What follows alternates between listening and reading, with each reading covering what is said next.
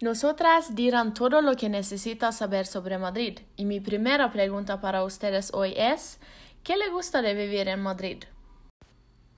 De hecho, que te gusta la vida de la ciudad. ¿Cuántas personas viven en Madrid? Y también, ¿sucede que conoces son algunas personas famosas durante la vida nocturna? ¿Por qué crees que la gente debería visitar Madrid? ¿Hay algo que no deben perderse? Oh, por lo que el turista debe venir tanto en invierno como en verano.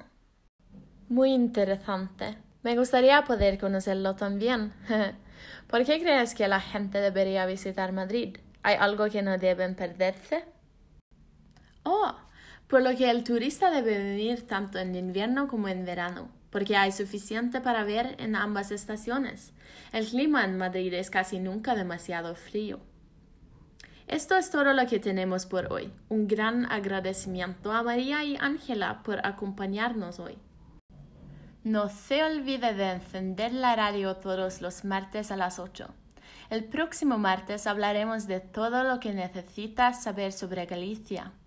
Si quieres ser nuestro invitado de las próximas semanas, enviar un mensaje al número de teléfono más 3 4 91 0 6 0 0 5 27. Hasta luego.